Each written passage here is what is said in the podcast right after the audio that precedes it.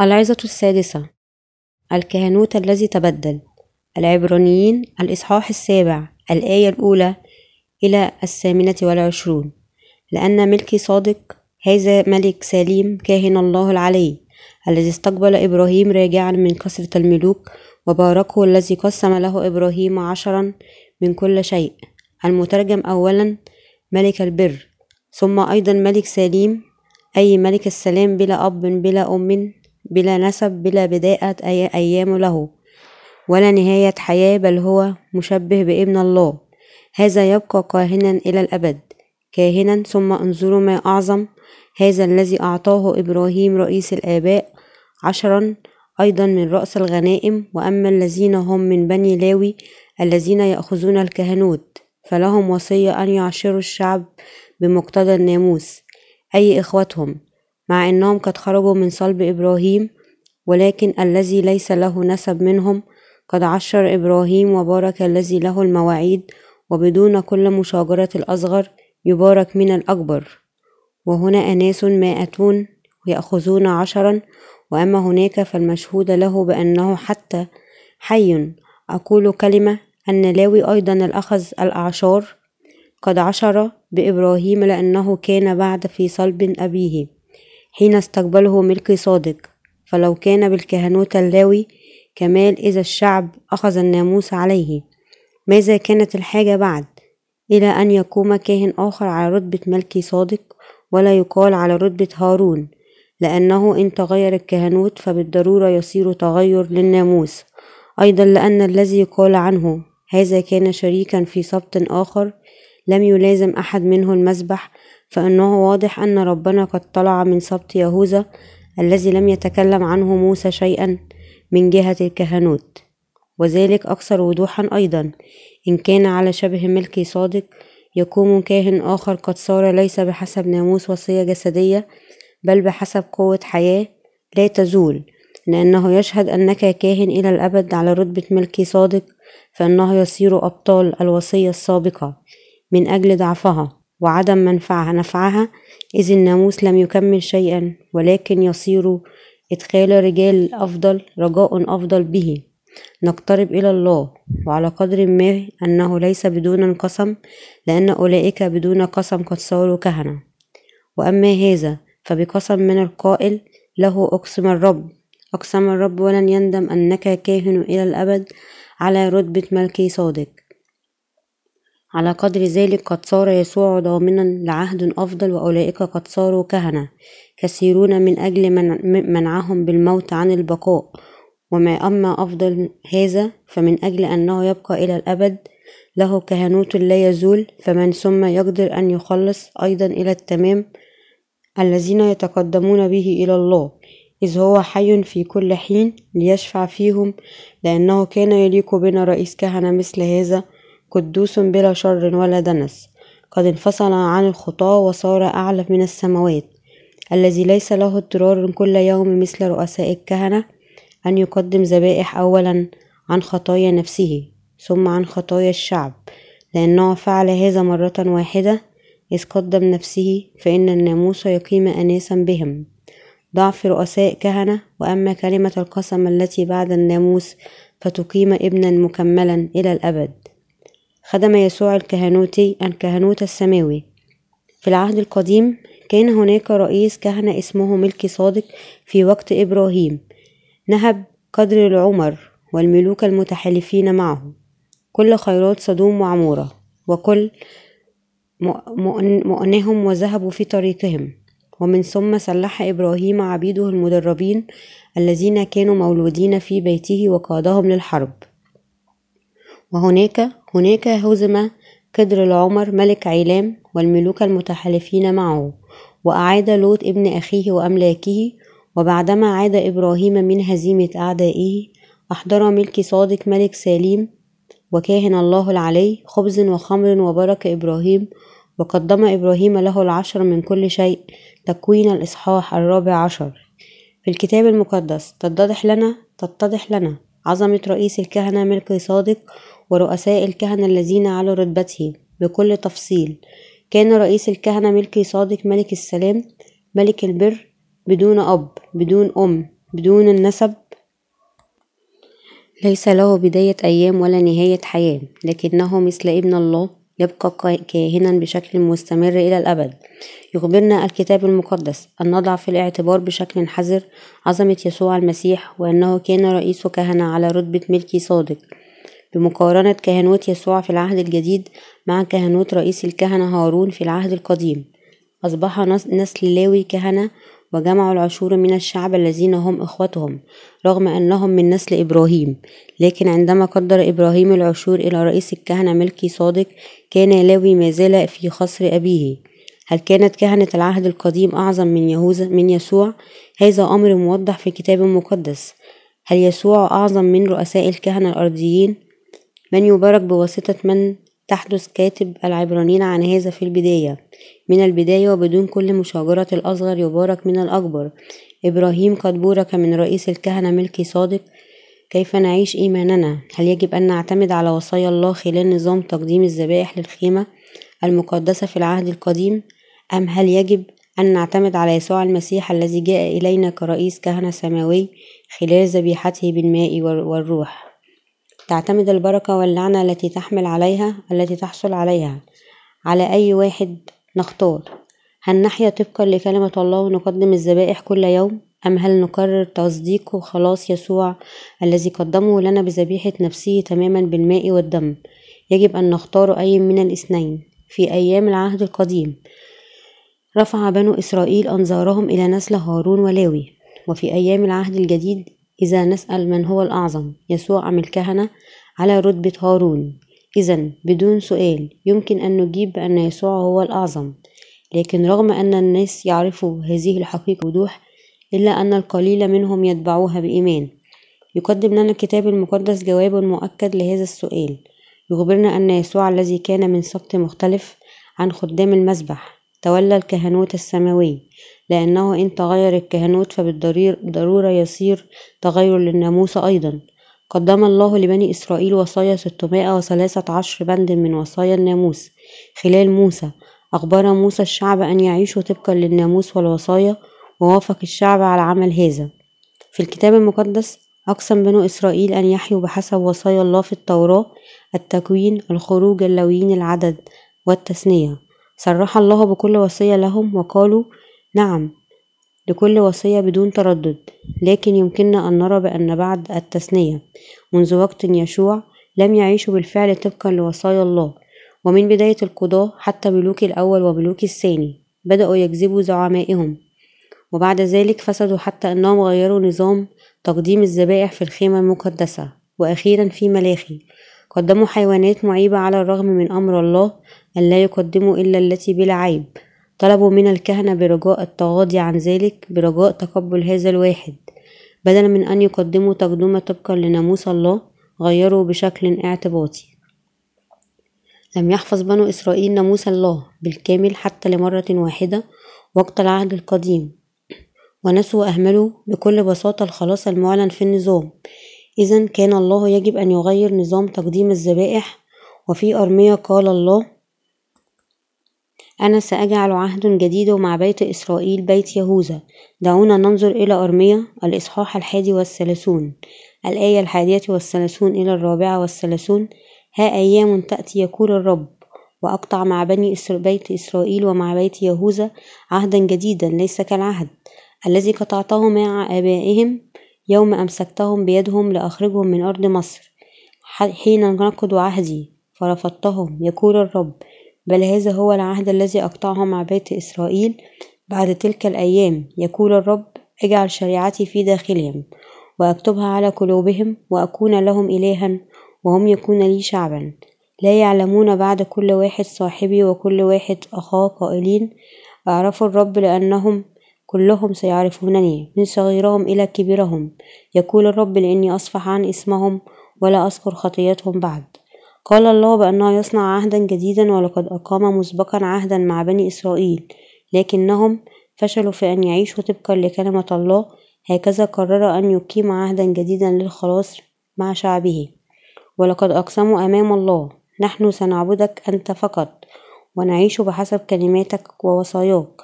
والله قد أخبرهم أن لا تكن لكم آلهة أخرى أمامي. وشعب إسرائيل قالوا أكيد نحن لن نعبد أي آلهة أخرى. أنت الله الوحيد لنا. لا يمكن أن يكون هناك إله آخر لنا لكنهم فشلوا في أن يحفظوا قسمهم. إن جوهر الناموس يتضمن الوصايا العشر. أنا الرب إلهك. لا يكن لك آلهة أخرى أمامي. لا تصنع لك تمثالا منحوتا ولا صورة مما, ما من مما في السماء من فوق وما في الأرض من تحت. وما في الماء من تحت الأرض ولا تسجد لإله ولا تعبدن. لأني أنا الرب إلهك. إله غيور أفتقد ذنوب الآباء في الأبناء في الجيل الثالث والرابع من مبغضي وأصنع إحسانا إلى الألوف من محبي وحافظي وصاياي. لا تنطق باسم إلهك باطلا لأن الرب لا يبرئ من نطق باسمه باطلا. اذكر يوم السبت لتقدسه ستة أيام تعمل وتصنع جميع عملك وأما اليوم السابع ففيه سبت للرب. إلهك لا تصنع عملا ما أنت وابنك وابنتك وعبدك وأمتك وبهيمتك. ونزيلك الذي داخل أبوابك لأن في ستة أيام صنع الرب السماء والأرض والبحر وكل ما فيها واستراح في اليوم السابع. لذلك بارك الرب يوم السبت وقدسه.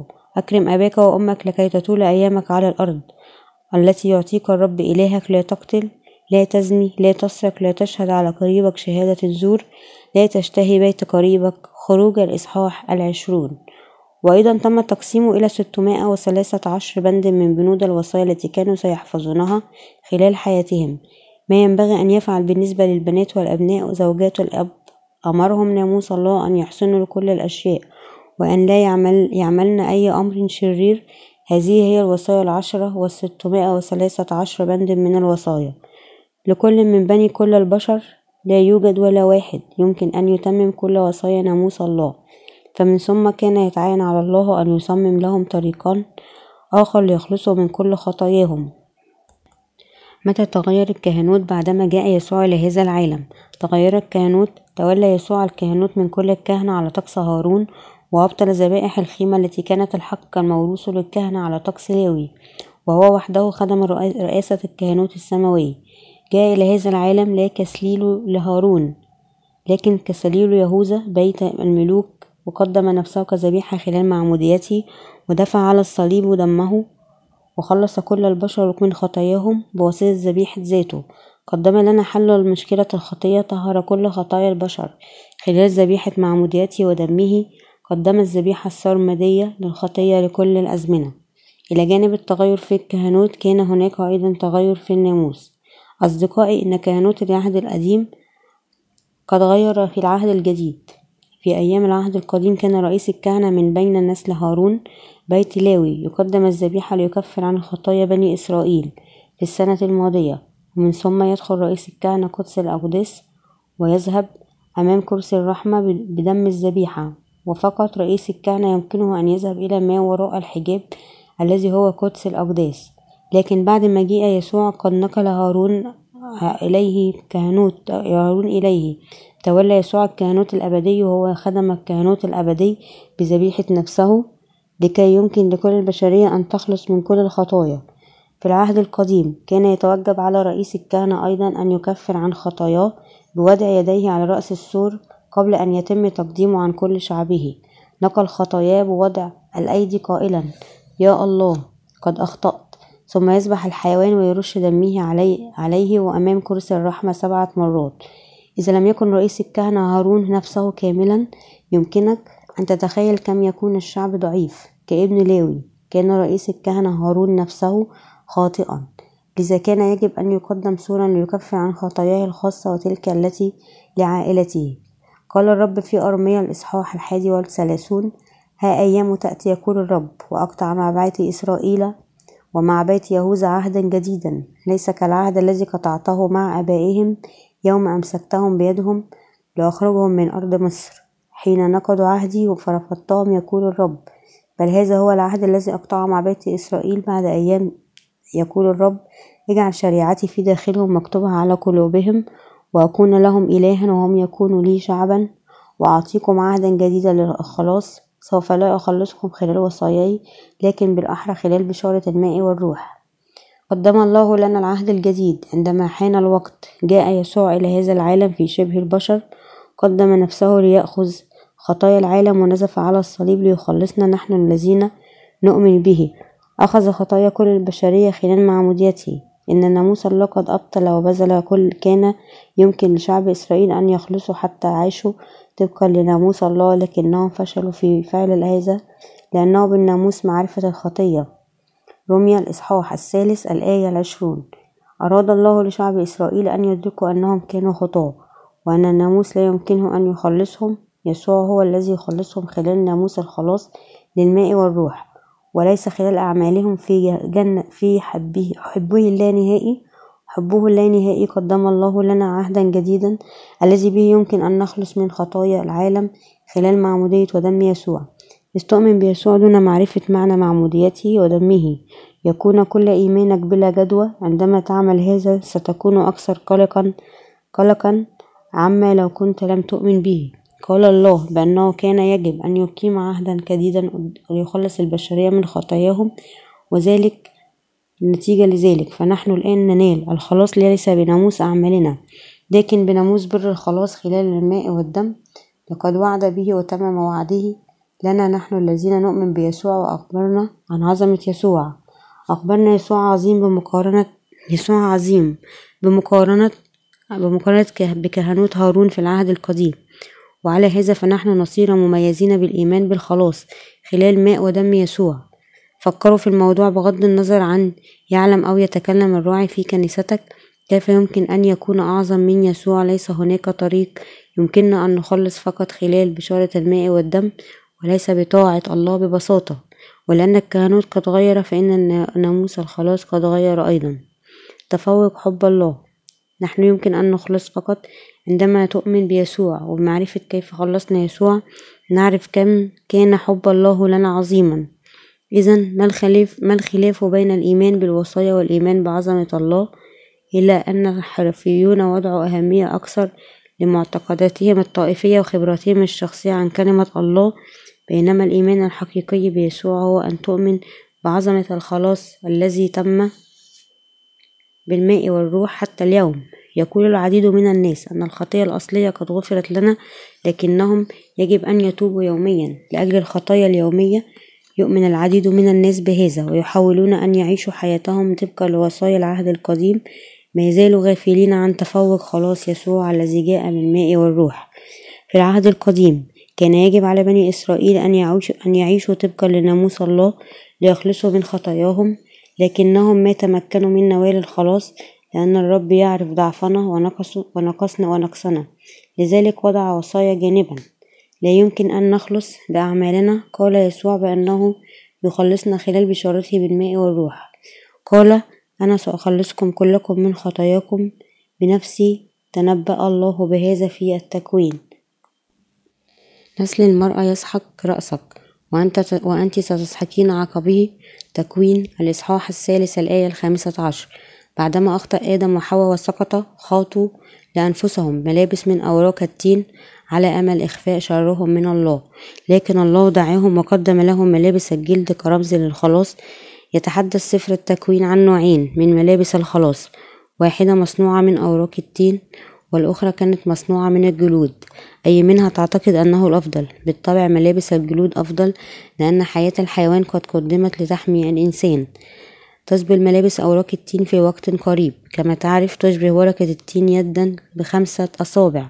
لذا معنى استخدام ملابس من أوراق التين هي أن تخفي الخطايا وراء الأعمال الصالحة. إذ لبست ملابس من أوراق التين وجلست, وجلست تتمزق الأوراق قريبا إلى القطع عندما كنت صغيرا كنت معتادا أن أصنع درعا من أوراق الأروت لألعب كجندي. جسد الإنسان الضعيف يجعل التقديس أمرا مستحيلا لكن خلاص الماء والدم. أي معمودية يسوع موته على الصليب خلص الخطاة بشكل كافئ ليشهدوا لعظمة محبة لعظمة محبة الله إذا كم هو متفوق حب الله على ناموس الله. أولئك الذين ما زالوا لهم الإيمان بناموس الله. فأولئك الذين يصنعون ملابس بأوراق التين يعيشوا حياة ناموسية وهؤلاء المؤمنين المضلين. يجب أن يغيروا ملابس ملابس بشكل منتظم. هم يجب أن يصنعوا ملابس جديدة كل يوم أحد عندما يذهبون إلى الكنيسة إلهي الحبيب. لقد آثمت كثيرا الأسبوع الماضي لكن يا رب أؤمن أنك خلصتني على الصليب.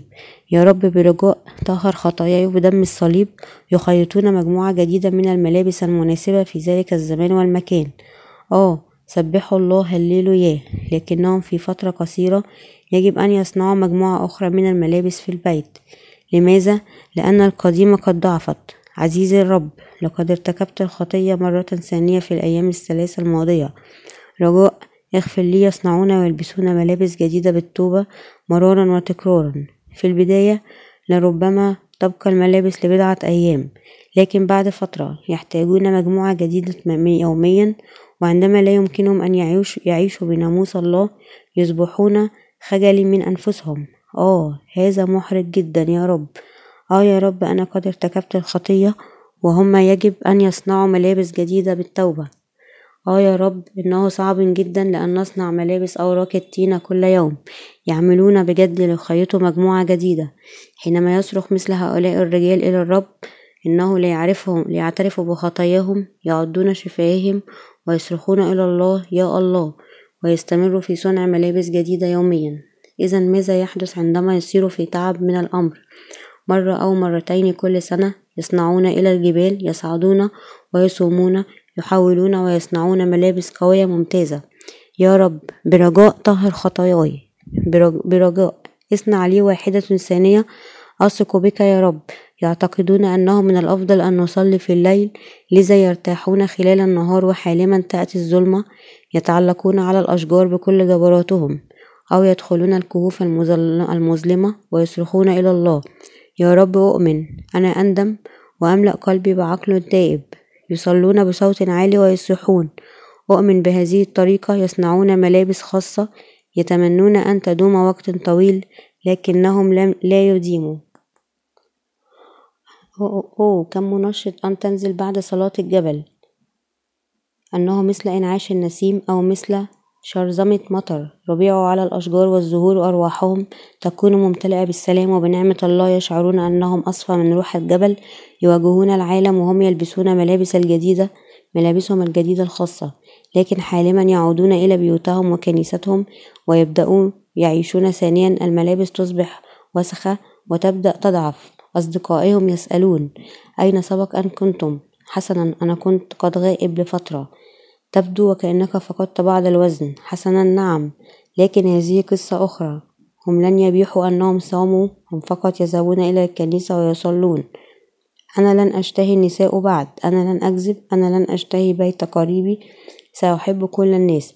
لكن عندما يرون امرأة بصدر جميل وسيقان رشيقة تتغير القداسة التي في قلوبهم بشكل فوري إلى شهوة صافية. انظر كم قصيرة هذه الجيبة. الجيبات تصبح أكثر وأكثر. يجب أن أرى تلك السيقان ثانيا. أوه لا أوه يا رب أنا قد ارتكبت الخطية مرة ثانية. يبدو الحرفيون أتقياء لكن يجب أن تعرف بأنهم يجب أن يصنعوا ملابس جديدة يوميا. الحرفية الحرفية هي الإيمان بملابس أوراق التين. الإيمان الخاطئ يحاول العديد من الناس بشدة أن يعيشوا بشكل تقي طبقا لناموس الله. يصرخون من عمق قلوبهم على الجبال لكي يبدو صوتهم أكثر تقوى. يقدم الحرفيون بشكل رائع عندما يقودون لقاءات الصلاة في الكنيسة. يا أبانا القدوس في السماء نحن قد أخطأنا هذا الأسبوع الماضي برجاء اغفر لي ثم ينفجرون في البكاء ويتبعهم باقي الج... الج... الصلاة باقي الجمع. يعتقدون في أنفسهم أنه كان يجب أن يقضوا وقت طويل في صلاة الجبال والصوم يبدون أتقياء ومخلصين لكن لأن إيمانهم ناموسي حتى قبل أن تنتهي الصلاة تبدأ قلوبهم تمتلأ بالتكبر والخطية عندما يصنع الناس ملابس جديدة خاصة من أوراق التين لربما يدومون لمدة شهرين أو ثلاثة شهور لكن عاجلا أم آجلا تصبح الملابس خرق وهم يجب أن يصنعوا مجموعة جديدة ويستمروا بحياتهم الثقافية.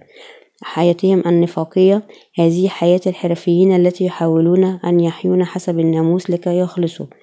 يجب أن يصنعوا ملابس جديدة من أوراق التين بشكل مستمر. الحرفية هي الإيمان بأوراق التين. يخبركم الحرفيون أنهم قد أخطأتم كلكم في الأسبوع الماضي. أليس كذلك؟ إذا توبوا. يصيحون فيكم بصوت عالي. توبوا وصلوا.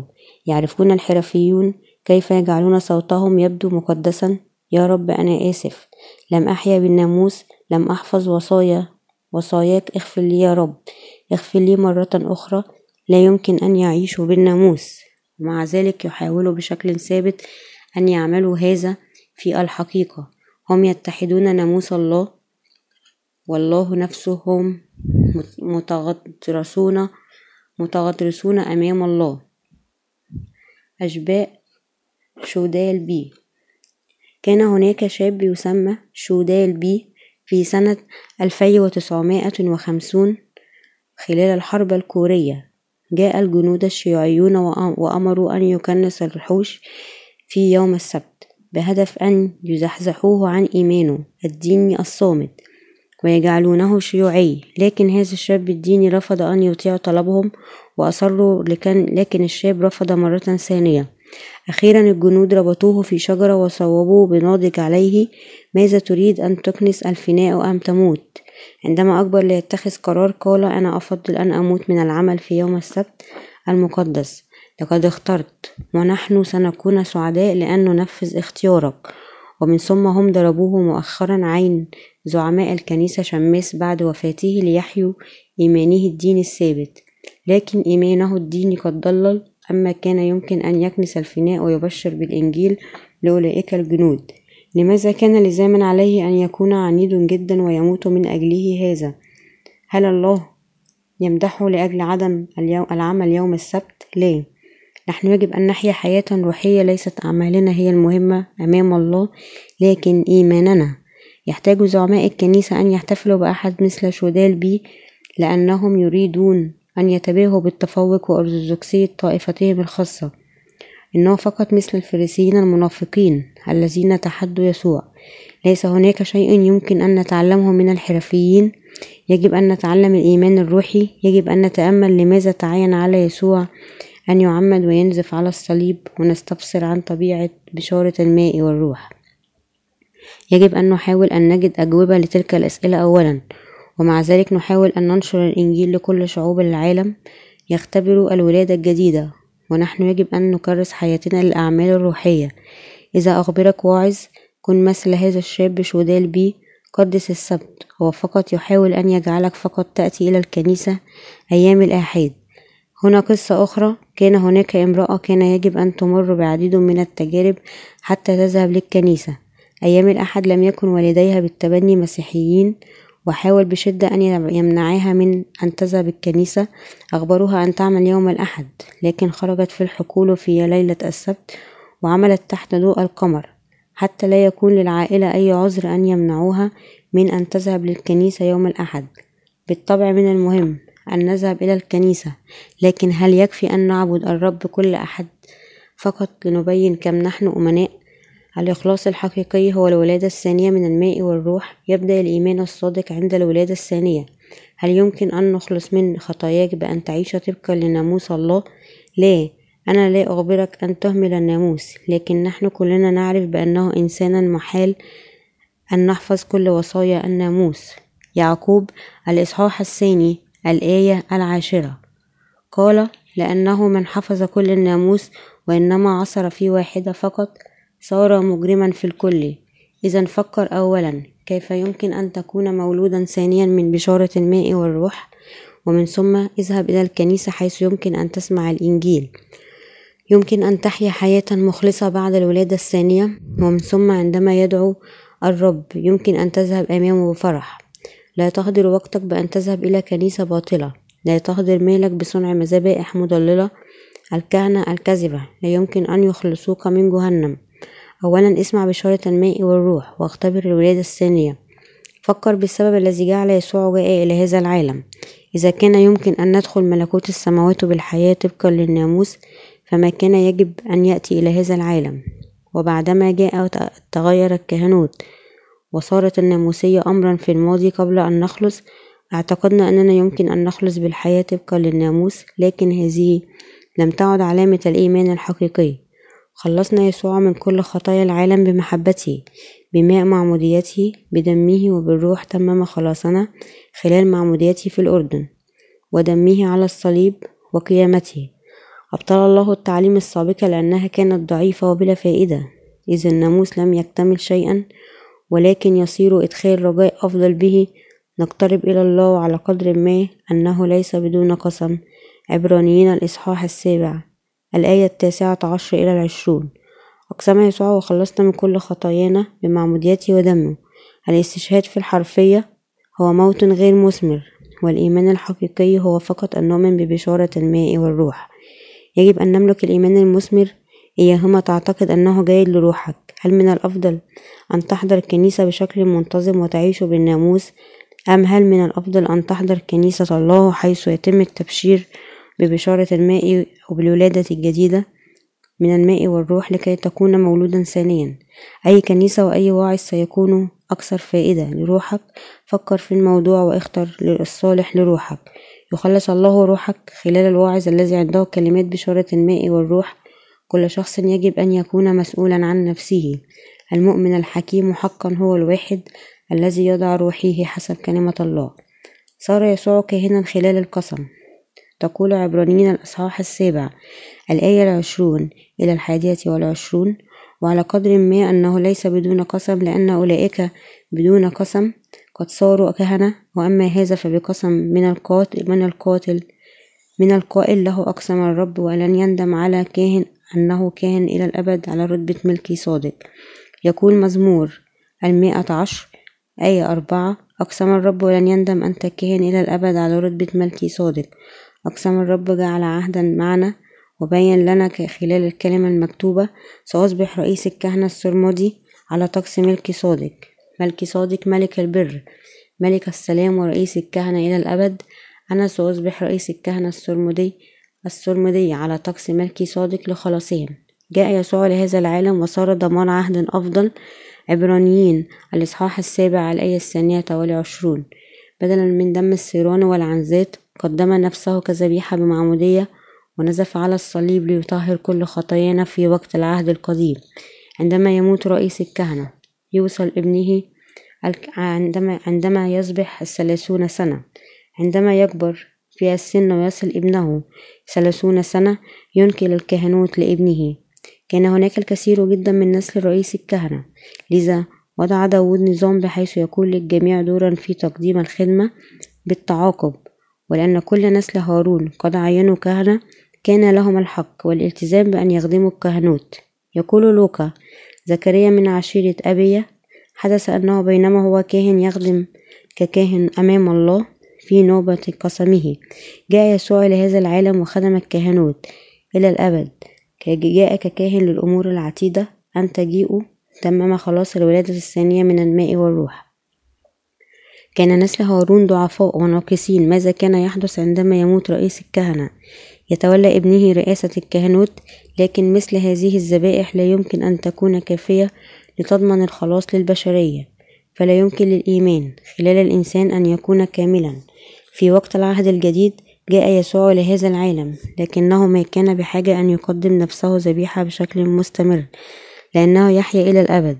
أخذ خطايانا إلى الأبد بمعموديته قدم نفسه وطلب ليجعل وصلب ليجعل كل من يؤمن به خاليا من الخطية تماما. والآن هو حي ويجلس عن يمين الله ليشهد لنا عزيزي الآب ربما ما زالوا ناقصين لكنهم يؤمنون به. ألم أخذ كل خطاياهم منذ زمن بعيد؟ يسوع هو رئيس الكهنة السرمدي لخلاصنا. لم يكن الكهنة الأرضيين كاملين أبدا. عندما يموتوا يتولى أبنائهم الكهنوت. ربنا يحيا إلى الأبد. تمم الخلاص السرمدي لنا بمجيئه لهذا العالم ومعموديته على يد يوحنا المعمدين. ومع ذلك سفك دمه على الصليب كل خطايانا. الآن حيث توجد مغفرة ليس هناك تقدمة خطيئة. عبرانيين الإصحاح العاشر الآية التاسعة الثامنة عشر. يشهد يسوع لخلاصنا حتى نهاية الزمان. هل ولدت ثانيا من الماء والروح؟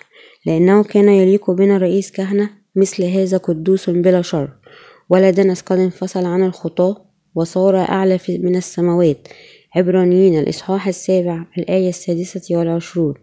فإن الناموس يقيم أناسا بهم ضعف رؤساء كهنة. وأما كلمة القسم التي بعد الناموس فتقيم ابنا كاملا إلى الأبد. عبرانيين الإصحاح السابع الآية الثامنة والعشرون. ما أود أن أخبركم به هو أن يسوع المسيح بدون عيب طهر خطايانا بشكل نهائي خلال ماء معموديته ودمه على الصليب. لقد خلصنا من كل خطايانا وليس بناموس الأعمال لكن بأخذه كل خطايانا ودينونته عن عنها إلى الأبد. هل تؤمن أنه خلصنا من كل خطايانا خلال الخلاص سرمدي إذا آمنت ستخلص لكن إذا لم تؤمن فما زال لديك الكثير لتتعلمه حول الخلاص السرمدي ليسوع. يأتي الإيمان الصادق من بشارة الماء والروح مستندا بكل قوة على الكتاب المقدس. صار يسوع المسيح رئيس الكهنة السماوي السرمدي مخلصنا السرمدي خلال معموديته ودمه على الصليب. يجب أن نفهم إيماننا بالكامل. يتوجب علينا أن نفكر كيف نؤمن بيسوع بطريقة صحيحة ونجعل إيماننا مستقيما. كيف يمكن بيسوع نؤمن بيسوع في الطريق الصحيح؟ يمكننا أن نفعل هذا بالإيمان ببشارة معمودية يسوع ودمه على الصليب. الإيمان الصحيح هو أن نؤمن بعمل يسوع ومعموديته ودمه بدون إضافة تصوراتنا الخاصة المخطئة هل تؤمن؟ لكن ما هي حالتك الروحية؟ هل تعتمد على أعمالك الخاصة وجهودك؟ لم يمر وقت كثير منذ بداية الإيمان بيسوع لكن عانيت عشرة سنوات بسبب الحرفية لكن في النهاية أصبحت تعبان من هذا النوع من الحياة لا أحب أن أذكر نفسي بذلك الوقت زوجتي تجلس هنا الآن وتعرف كم كانت هذه الأيام فظيعة لنا. أيام الأحد أقول حبيبتي هل نتمتع معنا اليوم لكن اليوم هو الأحد. هي حتى لا تغسل الملابس يوم الأحد وفي أحد الأيام تمزقت ملابسي لكنها أخبرتني أن أنتظر حتى الاثنين. في واقع الأمر كنت أكثر إصرارا كي نحفظ السبت بشكل صحيح لكن كان هذا صعب جدا. نحن لم نرتاح أيام الأحد لأنه كان صعب جدا أن نحفظ السبت بشكل صحيح وما زلت أتذكر تلك الأيام. أعزائي الأصدقاء لنؤمن بيسوع حقا يجب أن نؤمن بكفارة خطايانا لخلال معموديته ودمه على الصليب. الإيمان الصادق هو الإيمان بألوهية وإنسانية يسوع وكل الأشياء التي قام بها في هذا العالم.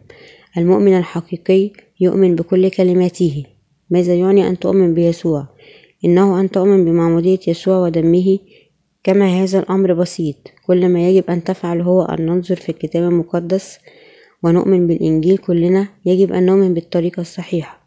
شكرا لك يا رب. أرى الآن أنه ليس من خلال جهودي جهودي من خلال جهودي لأن بالناموس معرفة الخطية. رمية الإصحاح الثالث الآية العشرون. افهموا كله الآن. أعتقد هذا لأن الناموس كان صالح لأنه كان وصية الله. أنا أنا يجب أن أحاول وأعيش به. حاولت بشدة حتى الآن لكن أرى الآن أنني كنت على خطأ في كوني أعتقد أنه يمكن لي أن أحيا طبقا للناموس أرى الآن أنني لا يمكن أن أحفظ وصايا الله ومن ثم خلال ناموس الله أدرك أن قلبي الآن ممتلئ بالأفكار الشريرة والخطايا. أفهم الآن أن الناموس أعطى لمغفرة الخطايا آه شكرا لك يا رب. أسأت فهم رغبتك وحاولت أن أحفظ الناموس بشدة.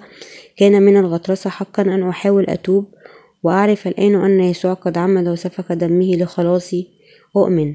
يجب أن تؤمن بصراحة وبشكل نقي. يجب أن تؤمن فقط بالكلمات المكتوبة في الكتاب المقدس. إنه الطريق الوحيد الذي به يمكن أن تكون بالكامل مولود ثانية. ما معنى أن تثق بيسوع؟ هل هو أمر ما يجب أن تكمله في فترة من الوقت؟ هل إيماننا دين يجب أن تعمل به؟ وتعمل له؟ الناس قد صنعوا آلهة وهم قد صنعوا أديان لثلاثة تلك الآلهة. لتلائم تلك الآلهة؟ هل الدين عملية يعمل الإنسان من خلالها ليصل لهدف؟ صلاة البشر. إذا ما هو الإيمان؟ يقصد أن تؤمن بالله وأن تتطلع إليه. نحن نتطلع لخلاص يسوع ونشكره لهذه البركة. هذا هو الإيمان الحقيقي. هذا هو الخلاف بين الإيمان والدين. بمجرد أن يمكنك أن تميز بين هذين الاثنين تحصل على مائة نقطة لفهمك الإيمان. يخبرنا اللاهوتيين غير المولودين ثانيا أننا يجب أن نؤمن بيسوع ونعيش بشكل طاهر. هل يمكن للواحد أن يخلص فقط بأن يكون تقي؟ بالطبع يجب أن نكون صالحين. من يعيش حياة أكثر تقوى منا نحن المولودين ثانيا. لكن النقطة هي أنهم يخبرون هذا الخطاة هناك اثنا عشر نوعا من الخطايا داخل الإنسان الخاطئ. العادي كيف يمكن أن يعيش بشكل تقي؟ بالتأكيد ذهنه ربما يفهم ما يجب أن يفعله لكن قلبه لا يمكن أن ينفذه عندما يخطو الإنسان الخاطئ. خلال خارج الكنيسة تصبح الحياة بطهارة نظرية مجردة. وتقود غريزته للخطية. فمن ثم يجب أن تقرر في قلوبنا سوى سنعيش بالناموس أم نخلص بالإيمان بمعمودية يسوع ودمه على الصليب. بالإيمان برئيس الكهنة السرمدي لملكوت السماوات. تذكر بأن يسوع هو رئيس الكهنة الحقيقي. للذين يؤمنون دعنا, دعنا كلنا نخلص بواسطة معرفة الخلاص الحقيقي خلال معمودية يسوع ودمه على الصليب والإيمان به. لا يخاف المولود ثانيا من نهاية العالم. عندما تولد حقا ثانيا ليس من واجبك أن تخاف من نهاية العالم. العديد من المسيحيين في كوريا ادعوا بأن العالم سينتهي في 28 أكتوبر ألف ألفي وتسعمائة واثنين وتسعون وقالوا بأن له من يوم صاخب ومخيف لكن بدت كل ادعاءهم باطلة. يحيا المولود ثانيا بحقا بشكل تقي. ينشر الإنجيل إلى النفس الأخير حتى ما ينتهي هذا العالم. كل ما ينبغي علينا فعله هو أن نبشر ببشارة الماء والروح. عندما يأتي العريس فإن العرايس اللاهوتي هن حقا مولودين ثانيا من الماء والروح. يمكن أن يقابلوه بفرح عظيم. قائلين أوه ها قد أتيت أخيرا. جسدي ما زال ناقص جدا. لكن أنت أحببتني وخلصتني من كل خطاياي لذا ليس عندي خطية في قلبي. شكرا لك يا رب أنت مخلصي. يسوع هو العريس لكل الأبرار. يحدث الزواج لأن العريس يحب العروس وليس العكس. أعرف أنه يحدث أحيانا ذلك في هذا العالم لكن في السماء إنه العريس وهو الذي يقرر سوى الزواج يتم أم لا إنه العريس الذي يختار أن يتزوج مستندا على حبه. وعرضه الخلاص. بغض النظر عن العرائس هكذا يتم الزواج الرمزي في السماء.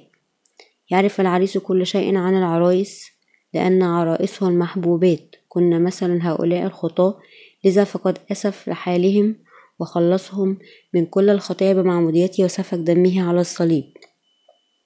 لم يأتي ربنا يسوع على هذا العالم كسليل هارون. لم يأتي لهذا العالم يقدم ذبيحة دنيوية. كان هناك الكثير من اللويين نسل هارون ليعملوا هذا. في الحقيقة الموضوع الرئيسي لذبائح العهد القديم كان لا شيء سوى يسوع نفسه. فمن ثم عندما جاء الحقيقي إلى هذا العالم ماذا حدث لظله؟ فقد أبطل الظل. عندما جاء يسوع لهذا العالم لم يقدم ذبائح مثل هارون. قدم للبشرية بمعموديته وسفك دمه للخلاص لأجل الخطاة تمام الخلاص على الصليب. وبالنسبة لأولئك الذين يؤمنون بمعمودية يسوع ودمه على الصليب لا يكون الخلاص في تعابير غير مؤكدة لم يكفر يسوع عن خطايانا بطريق غير واضح. فقد عمل بهذا بوضوح أنا هو الطريق والحق والحياة. يوحنا الإصحاح الرابع عشر الآية السادسة. جاء يسوع لهذا العالم وخلصنا بمعموديته وموته وقيامته. يعتبر العهد القديم نموذج عن يسوع. يعتبر العهد القديم ظل العهد الجديد. ورغم أن يسوع لم يقدم ذبائح مثل كهنة العهد القديم إلا أنه قدم كهنوتا أفضل الكهنوت السماوي السرمدي لأن الناس في هذا العالم أشرار منذ ولادتهم يصبحون خطاة ولا يمكنهم أن يصبحوا أبرار. خلال ناموس الله فمن ثم أسس الله عهدا آخر. أرسل أبانا الذي في السماء ابنه الوحيد لهذا العالم وطلب منا بالمقابل أن يكون لنا الإيمان بمعموديته ودمه وقيامته. هذا هو العهد الثاني لله. يتطلب منا العهد الثاني أن نؤمن ببشارة الماء والروح. لم يعد الرب يطلب أعمالنا الصالحة فهو لا يخبرنا كيف نعيش ونخلص. هو فقط يسألنا أن نؤمن بالخلاص خلال ابنه. يسألنا أن نؤمن بمعموديته ودمه على الصليب قبل كل شيء ونحن يجب أن نقول نعم.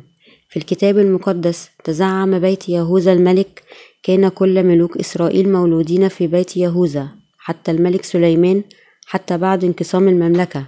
حمل بيت يهوذا عرش مملكة الجنوب حتى انهارت في خمسمائة وثمانون وستة خمسمائة وستة وثمانون قبل الميلاد من, أز... من آه لذا وشعب يهوذا معناه شعب إسرائيل وكان سبط لاوي سبط الكهنة. كل سبط من أسباط إسرائيل كان له دوره الخاص. وعد الله سبط يهوذا أن يسوع يخرج من رتبة من رتبته. لماذا أقام هذا العهد؟ مع سبط يهوذا أقامه هذا العهد مثل إقامة العهد مع كل شعوب العالم لأن شعب إسرائيل يمثل شعوب العالم تمم يسوع العهد الجديد الذي كان خلاص البشرية خلال معموديته وموته على الصليب وقيامته. لا يمكن لخطايا الإنسان أن تتطهر بالتوبة. في أرميا الإصحاح السابع عشر الآية الأولى إنه مكتوب أن خطية الإنسان تسجل في مكانين خطية يهوذا مكتوبة بقلم من حديد برأس من الماس منكوشة على لوح قلبهم وعلى قرون مذابحهم. خطايانا مسجلة في قلوبنا وهكذا نعرف بأننا خطاة. قبل أن يأتي الشخص ويؤمن بيسوع يكون غير مدركا أنه إنسان خاطئ. لماذا؟ لأنه ليس عنده ناموس الله في قلبه. إذا بمجرد أن يؤمن بيسوع يدرك أنه إنسان خاطئ أمام الله. يدرك البعض فقط أنهم خطاة بعد عشرة سنوات من إيمانهم بيسوع. أوه يا عزيزي أنا خاطئ. أعتقدت أنني قد خلصت لكن بطريقة ما أنا ما زلت خاطئ ويتأتى له هذا الإدراك يوم ما عندما يرى أخيرا نفسه كما هي. فلقد كان سعيدا جدا لعشرة سنوات لكن فجأة يرى الحقيقة. هل تعرف لماذا؟ لأنه قادر أخيرا أن يرى خطاياه وذنوبه خلال ناموس الله. هو قد آمن بيسوع لمدة عشرة سنوات بدون الولادة الثانية ولأنه لا يمكن أن يطهر خطاياه من قلبه يبقى خاطئا أمام الله. البعض يأخذ خمسة سنوات والبعض عشرة سنوات ليصلوا لهذا الإدراك. ويدرك البعض هنا بعد ثلاثون سنة والبعض بعد خمسون سنة والبعض لا يدرك الحقيقة حتى النهاية. إلهي الحبيب كنت صالحا قبل أن يكون عندي الوصايا في ذهني. كنت واثقا أنني كنت أحفظ الناموس جيدا لكن الآن أدرك أنني قد ارتكبت الخطية يوميا. فقط مثلما قال الرسول بولس أما أنا فكنت بدون الناموس عائشا قبلا ولكن لما جئت الوصية عاشت الخطية فمت أنا رمي الإصحاح السابع الآية التاسعة. أنا إنسان خاطئ رغم أني أؤمن بالمسيح. خطاياك الخاصة هي التي تمنعك أن تحيا بحسب كلمة الله. خطاياك مسجلة في قلبك لأن الله يسجل خطاياك هناك. عندما تحني رأسك لتصلي كل خطاياك تظهر مفاجأة. أنا الخطية التي ارتكبتها أنت. لكن كفرت عنك منذ سنتين مضت. لماذا تظهرين نفسك مرة ثانية فجأة؟ لماذا خرجت؟ أو لا تكن شريرا جدا. أنا مسجلة في قلبك مهما تعتقد أنت ما زلت إنسانا خاطئ. لا لا. لذا يتوب ثانيا للخطايا التي ارتكبها منذ سنتين. برجاء اغفر لي يا رب. ما زلت أعذب بالخطايا التي ارتكبتها من قبل. ندمت لخطاياي لكنها ما زالت معي. برجاء اغفر لي لأني قد أخطأت. لكن هل تمحى تلك الخطايا بالتوبة؟ لأن خطايا البشر مسجلة في قلوبهم. لا يمكن أن يتم محوها بدون بشارة الماء والروح. فقط خلال بشارة الماء والروح يمكن أن يتم التكفير الحقيقي. يمكن أن نخلص فقط خلال إيماننا بالبشارة الحقيقية ليسوع. سأكون مخلصكم. أقام ربنا الذي في السماء عهدا جديدا معنا سأصبح منقذكم. سأخلصكم بالكامل من كل خطايا العالم خلال الماء والدم. سأبارك بالتأكيد كل أولئك الذين يؤمنون بي. هل تؤمنون بهذا العهد الجديد لله؟ يمكن أن نخلص من كل خطايانا ونولد ثانيا. عندما نؤمن بحقيقة عهده وخلاصه خلال الماء والدم. نحن لا نثق بالطبيب إذ لا يشخص مرضنا بشكل صحيح. فيتوجب على الطبيب أولا أن يشخص مرضاه بشكل صحيح وبعد ذلك يصف العلاج الصحيح. هناك كل أصناف الأدوية لكنه يجب أن يعرف بالضبط ما الذي يستخدمه لهذا المريض بمجرد أن يشخص الطبيب مرضاه بشكل صحيح هناك العديد من الأدوية المتوفرة لتشفيهم لكن بالتشخيص الخاطئ. كل تلك الأدوية الجيدة يمكن أن تجعل المريض أسوأ فقط. وعلى نفس النمط عندما تؤمن بيسوع يجب أن تشخص حالة روحك مستندا إلى كلمة الله. عندما تفحص روحك بكلمة الله يمكن أن ترى بالضبط ما هي حالة روحك فإن طبيب الأرواح يمكن أن يشفي كل مرضاه بدون استثناء. كلهم يمكن أن يولدوا ثانيا. إذ نقول لا أعرف ما إذا كان إذا كنت قد خلصت هذا يعني أنك لم تخلص بعد. إذا كان قسا حقا تلميذ ليسوع يجب أن يكون قادر أن يحل مشكلة الخطية لأتباعه ومن ثم يمكنه أن يستمر في حل مشاكلهم. مشاكل إيمانهم ويقودهم روحيا. يجب أن يكون قادر أن يرى الحالة الروحية لأتباعه بشكل واضح. جاء يسوع لهذا العالم ليأخذ كل خطية العالم. جاء وعمد ومات على الصليب عندما كفر عن كل خطية. هل ترك خطاياك تمحو كلمة الماء والروح خطايا كل المؤمنين؟ إن بشارة الإنجيل مثل الديناميت تفجر كل شيء من عمارات عالية إلى الجبال. إنها عمل يسوع التام. يمسح خطايا أولئك الذين يؤمنون ببشارته بالماء والروح. دعونا ننظر في بشارة الماء والروح كما تظهر في الكتاب المقدس. بشارة وضع الأيدي في العهد القديم. دعونا ننظر في حقيقة بشارة الخلاص في اللويين الإصحاح الأول الآية الثالثة إلى الرابعة. إن كان قربانه محرقة من البقر فذكرا صحيحا يقربه إلى باب خيمة الاجتماع يقدمه للرضا عنه أمام الرب. ويضع يديه على رأس المحرقة فيرد عليه للتكفير عنه. تخبرنا هذه الفقرة أن المحرقة يجب أن تقدم عند باب خيمة الاجتماع أمام الرب بوضع الأيدي على رأس التقدمة والتقدمة يجب أن تكون حيوان حي بلا عيب. في عصر العهد القديم يضع الخاطئ يديه على التقدمة للتكفير عن خطاياه اليومية ثم يذبح ذبيحة الخطية أمام الرب ومن ثم يأخذ الكاهن بعض من الدم على عليه يضعه على قرون مذبح المحرقة ثم يصب بقية الدم على قاعدة المذبح وهكذا تغفر خطية الإنسان الخاطئ. وبالنسبة للخطايا السنوية مكتوبة في اللاويين الإصحاح السادس عشر, عشر الآية العاشرة ويقرب هارون ثور الخطية الذي له ويكفر عن نفسه وعن بيته ويأخذ التيسين ويقفهما أمام الرب لدى باب خيمة الاجتماع. ويلقي هارون على التيسين قرعتين قرعة للرب وقرعة لعزازيل. ويقرب هارون التيس الذي خرجت عليه القرعة للرب ويعمله ذبيحة خطية. وأما التيس الذي خرجت عليه القرعة العزازيل فيوقف حيا أمام الرب ليكفر عنه ليرسل إلى عزازيل في البرية. كما هو موضح في الكتاب المقدس كبش فداء يعني أن يكفر. هكذا يتم التكفير عن خطايا السنة في اليوم العاشر من الشهر السابع. مكتوب في اللويين الإصحاح السادس عشر. الآية التاسعة والعشرون إلى الثلاثون ويكون لكم فريضة ظهرية أنكم في الشهر السابع في عاشر الشهر تذللون نفوسكم وكل عمل لا تعملون الوطني والغريب النازل في وسطكم لأنه في هذا اليوم يكفر عنكم تطهير لتطهيركم من جميع خطاياكم أمام الرب تطهرون. هذا هو اليوم الذي يكفر فيه شعب إسرائيل عن خطايا السنة كيف يمكن أن يكون هذا أولا؟ كان يتوجب على رئيس الكهنة هارون أن يكون حاضرا في التقدمة. من ثم من يمثل شعب إسرائيل. هارون. عين الله هارون ونسله كرؤساء الكهنة.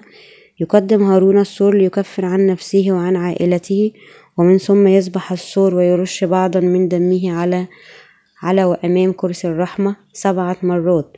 وهكذا كان يجب أن يكفر عن نفسه وعائلته أولا.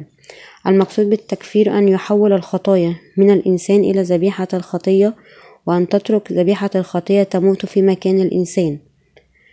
ويتوجب على الخاطئ نفسه أن يموت لكنه يمكن أن يكفر عن خطاياه بأن ينقلها إلى تقدمة حيوانية ومن ثم فهي تموت عنه. بعد أن يكفر عن خطاياه وخطايا عائلته. يقدم تيس واحد أمام الله بينما يرسل التيس الآخر إلى البرية ككبش فداء في حضور شعب إسرائيل.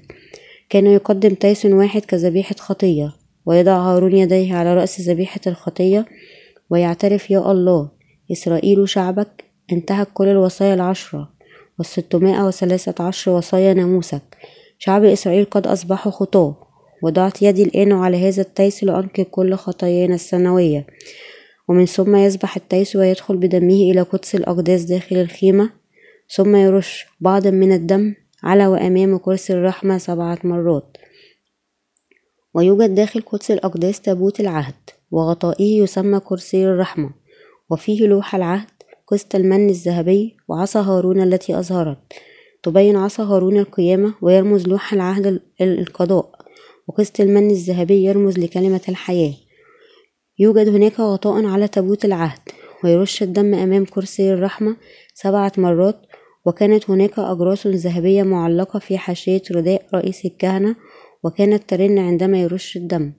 مكتوب في اللويين الإصحاح السادس عشر الآية الرابعة عشر إلى الخامسة عشر ثم يأخذ من دم السور وينضح بأصبعه على وجه الغطاء إلى الشرق وقدام الغطاء ينضح سبع مرات من الدم بإصبعه ثم يذبح تيس الخطية الذي للشعب ويدخل بدمه إلى داخل الحجاب ويفعل بدمه كما فعل بدم السور ينضحه على الغطاء وقدام الغطاء.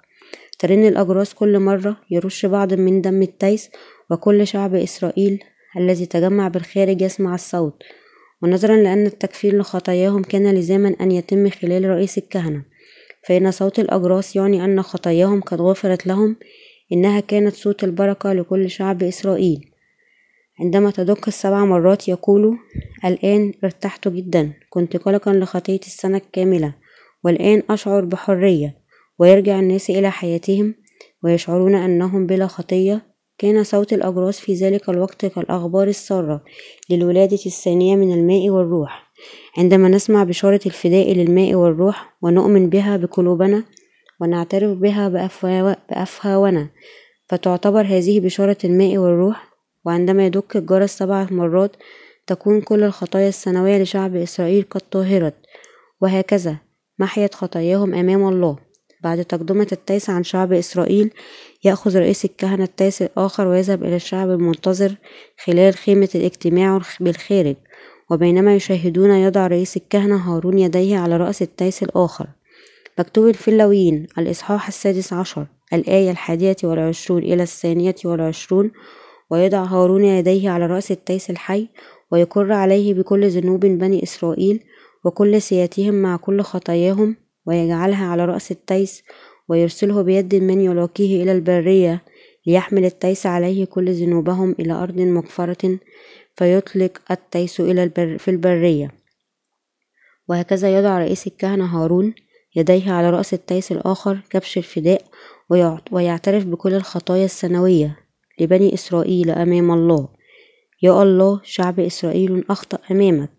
انتهكنا وصاياك العشر وكل ستمائة وثلاثة عشر وصايا ناموسك يا الله انقل كل الخطايا السنوية لبني إسرائيل على رأس هذا التيس وطبقا لأرمية الإصحاح السابع عشر الآية الأولى الخطايا تسجل في مكانين الأول في كتاب الأعمال الآخر على ألواح قلوبهم. لذا إذا أراد الناس أن يكفروا عن خطاياهم فيتوجب على خطاياهم أن تمحى من كتاب الأعمال ومن ألواح قلوبهم. في يوم الكفارة كان أحد التيسين للخطايا المكتوبة في كتاب الدينونة والآخر كان لتلك المنكوشة على ألواح قلوبهم وبوضع الأيدي على رأس التيس. أظهر رئيس الكهنة للشعب أن خطاياهم السنوية قد تحولت إلى التيس وعندما تكون الخطايا قد وضعت على رأس التيس يقوده رجل مناسب إلى البرية. تعتبر فلسطين أرض صحراء والتيس الذي أخذ كل الخطايا السنوية لشعب إسرائيل يقاد بواسطة الرجل المعين للمهمة إلى الصحراء حيث لا يوجد ماء ولا عشب. يقف الشعب يراقب كبش الفداء وهو يدخل البرية. قالوا إلى أنفسهم كان يجب أن أموت لكن التيس يموت بدلا مني لخطاياي. أجرة الخطية موت لكن التيس يموت بدلا مني. شكرا لك يا تيس. فموتك يعني أنني يمكن أن أعيش ويقاد التيس بعيدا في الصحراء. وهكذا يكون شعب إسرائيل قد نال الغفران لخطية السنة. وعندما تنقل الخطية في قلبك إلى ذبيحة الخطية تتطهر إنه أمر بسيط الحقيقة بسيطة دائما بمجرد أن نفهمها. ومن ثم يختفي التيس في الأفق ويرجع الرجل وحده بعد إطلاقه. وهكذا كل خطايا السنوية لشعب إسرائيل قد ذهبت. يتجول التيس في الصحراء بدون ماء أو عشب ويموت بخطايا شعب إسرائيل. أجرة الخطية هي موت وقضاء الله قد تم. ضحى الله بالتيس لكي يحيا شعب إسرائيل وهكذا تكون كل خطايا شعب إسرائيل خلال السنة قد محيت. كما أن خطية اليوم وخطية السنة قد غفرت في وقت العهد القديم. هكذا كان عهد الله لنا في أن خطايانا ستغفر بشكل مشابه وبشكل نهائي. كان عهده أن يرسل لنا المسيا ويخلصنا من كل خطايانا الدائمة. وقد تم العهد خلال معمودية يسوع. الولادة الثانية من الماء والروح في العهد الجديد. دعونا نقرأ متى؟ الإصحاح الثالث الآية الثالثة عشر إلى الخامسة عشر. حينئذ جاء يسوع من الجليل إلى الأردن. إلى يوحنا ليعتمد منه ولكن يوحنا منعه قائلا أنا محتاج أن أعتمد منك وأنت تأتي إلي. فأجاب يسوع وقال له أسمح الآن لأنه هكذا يليق بنا أن نكمل كل بر حينئذ سمح له. ذهب يسوع إلى الأردن وعمد على يد يوحنا المعمدان. وبهذا تمم كل بر. عمد على يد يوحنا وكان يوحنا أعظم مواليد النساء. متى الإصحاح الحادي عشر؟ الآية الحادية عشر إلى الثانية عشر. قال الحق أقول لكم لم يكن بين المولودين من النساء أعظم من يوحنا المعمدان ولكن الأصغر في ملكوت السماوات أعظم منه. ومن أيام يوحنا المعمدان إلى الآن ملكوت السماوات يخسب والغاصبون يختطفونه. اختير يوحنا المعمدان من الله ليكون ممثل البشرية وأرسل ستة شهور قبل المسيح وكان من نسل هارون وكان رئيس الكهنة الأخير. قال يوحنا المعمدان عندما جاء يسوع إليه أنا محتاج أن أعتمد منك وأنت تأتي إلي. أسمح الآن لأنه هكذا يليق بنا أن نكمل كل بر حينئذ سمح له. كان قصده أن يحرر البشرية من الخطية لكي يمكنهم أن يصيروا أبناء الله. قال يسوع ليوحنا نحن يجب أن نكمل بشارة الولادة الثانية من الماء والروح. عمدني إذن. الآن وهكذا عمد يوحنا المعمد يسوع. كان يلائم ليسوع أن يعمد ليأخذ كل خطايا العالم ولأنه قد عمد بأفضل أسلوب لذا خلصنا بشكل صحيح من كل خطايانا. يسوع قد عمد لكي يمكن لكل خطايانا أن تنقل إليه. جاء يسوع لهذا العالم وعمد عندما كان ثلاثون سنة. كانت هذه أول خدمة.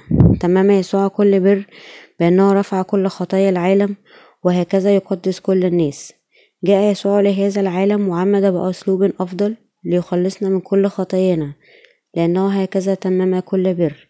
قال الله هذا هو ابن الحبيب الذي به سررت. متى الإصحاح الثالث الآية السابعة عشر. عرف يسوع المسيح بأنه يأخذ كل خطايا البشرية ويسفك دمه إلى الموت. على الصليب لكنه أطاع إرادة الآب قائلا ليس كإرادتي لكن كإرادتك. متى الإصحاح السادس والعشرون الآية التاسعة والثلاثون. كانت إرادة الآب أن يطهر كل خطايا البشرية وهكذا يقدم الخلاص لشعوب العالم. هكذا أطاع يسوع الابن المطيع وإرادة الآب وعمد على يد يوحنا المعمدان في يوحنا الإصحاح الأول الآية التاسعة والعشرون.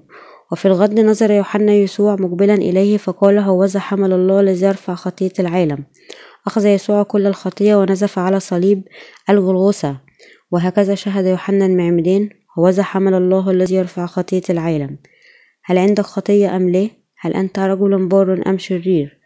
الحقيقة هي أن يسوع أخذ خطية العالم وقد صلب على الصليب لأجلنا بعدما نولد في هذا العالم نخطئ حتى بين سن السنة والعشر سنوات أخذ يسوع تلك الخطايا نخطئ أيضا. نرتكب الخطية بين عمر الحادية عشر والعشرون. أيضا الخطايا التي نرتكبها في قلوبنا وبأعمالنا هو قد أخذها. نخطئ أيضا بين سن الحادية والعشرون والخامسة والأربعون سنة. أخذها كلها أيضا. رفع كل خطايا العالم وصلب على الصليب.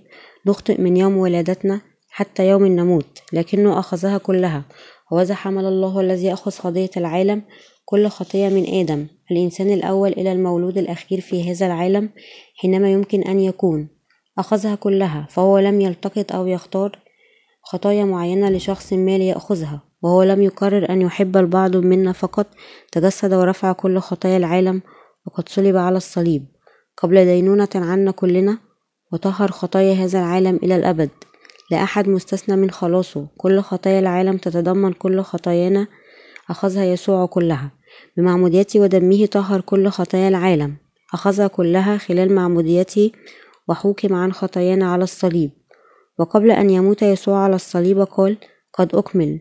يوحنا الإصحاح التاسع عشر الآية الثلاثون. معنى هذا أن خلاص البشرية قد كمل لماذا صلب يسوع على الصليب؟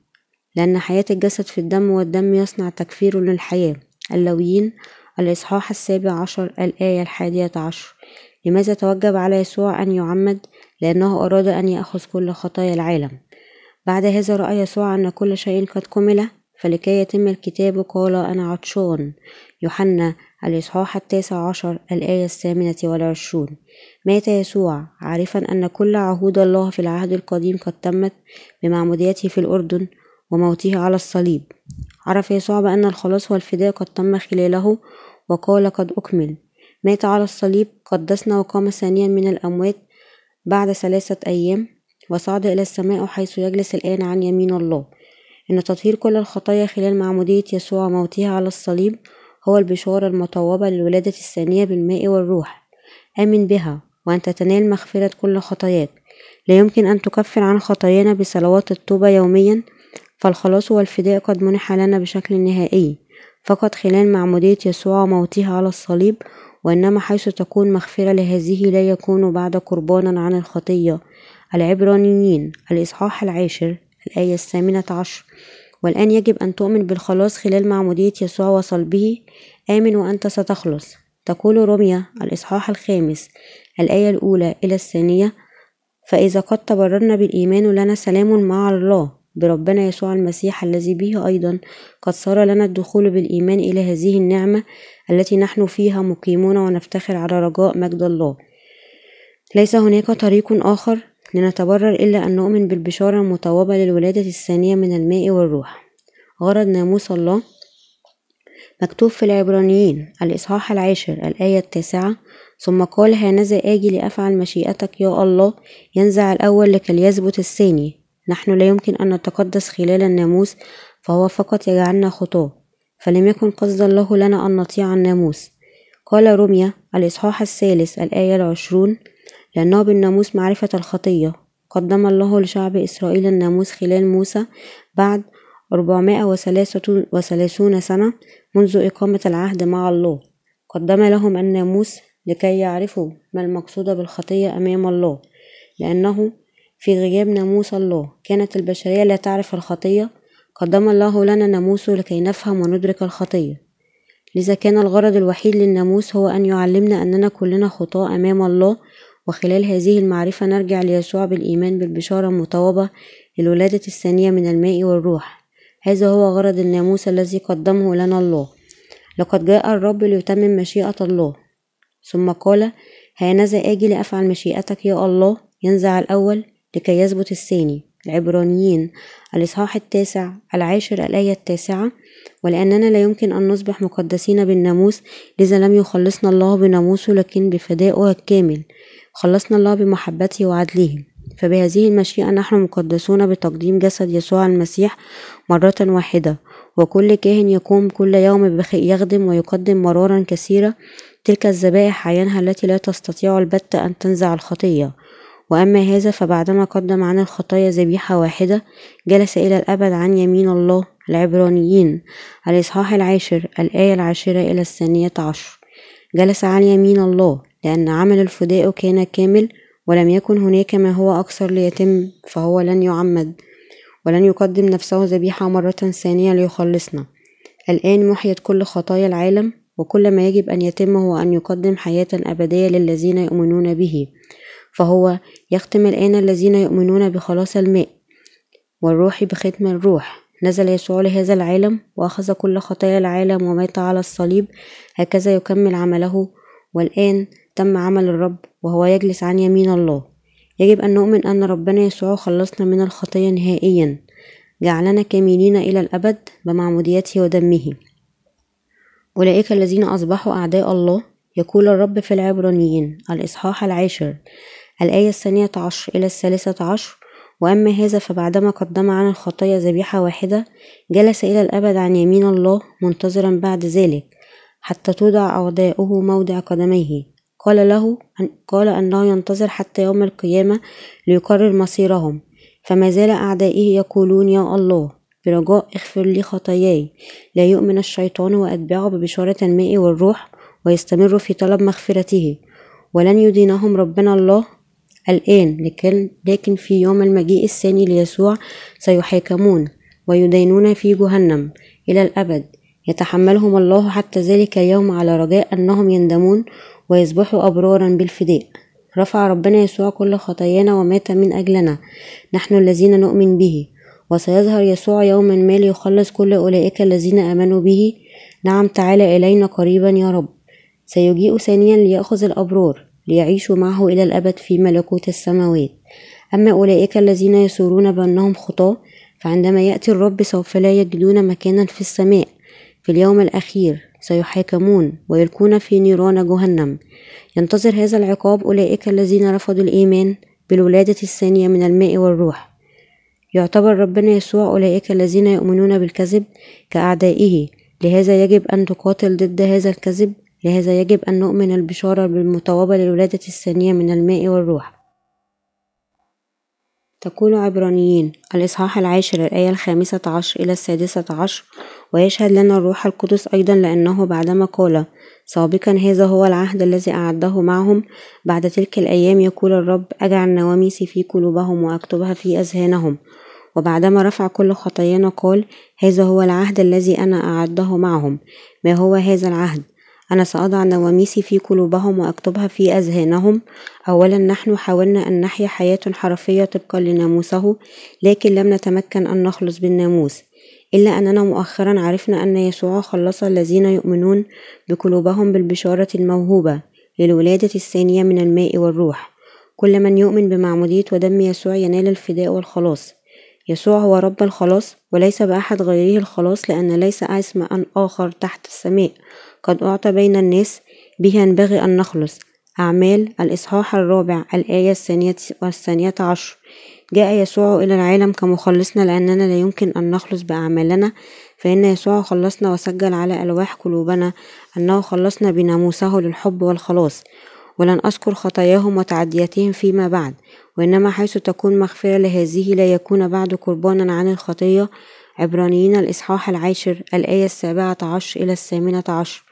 والآن هو لا يتذكر تعدياتنا فيما بعد والآن لأنه أخذ كل الخطايا فنحن المؤمنون به ليس عندنا خطايا بعد لأنها قد محيت عنا وديوننا قد دفعت بالكامل لم يترك هناك شيء ليعيد دفعه.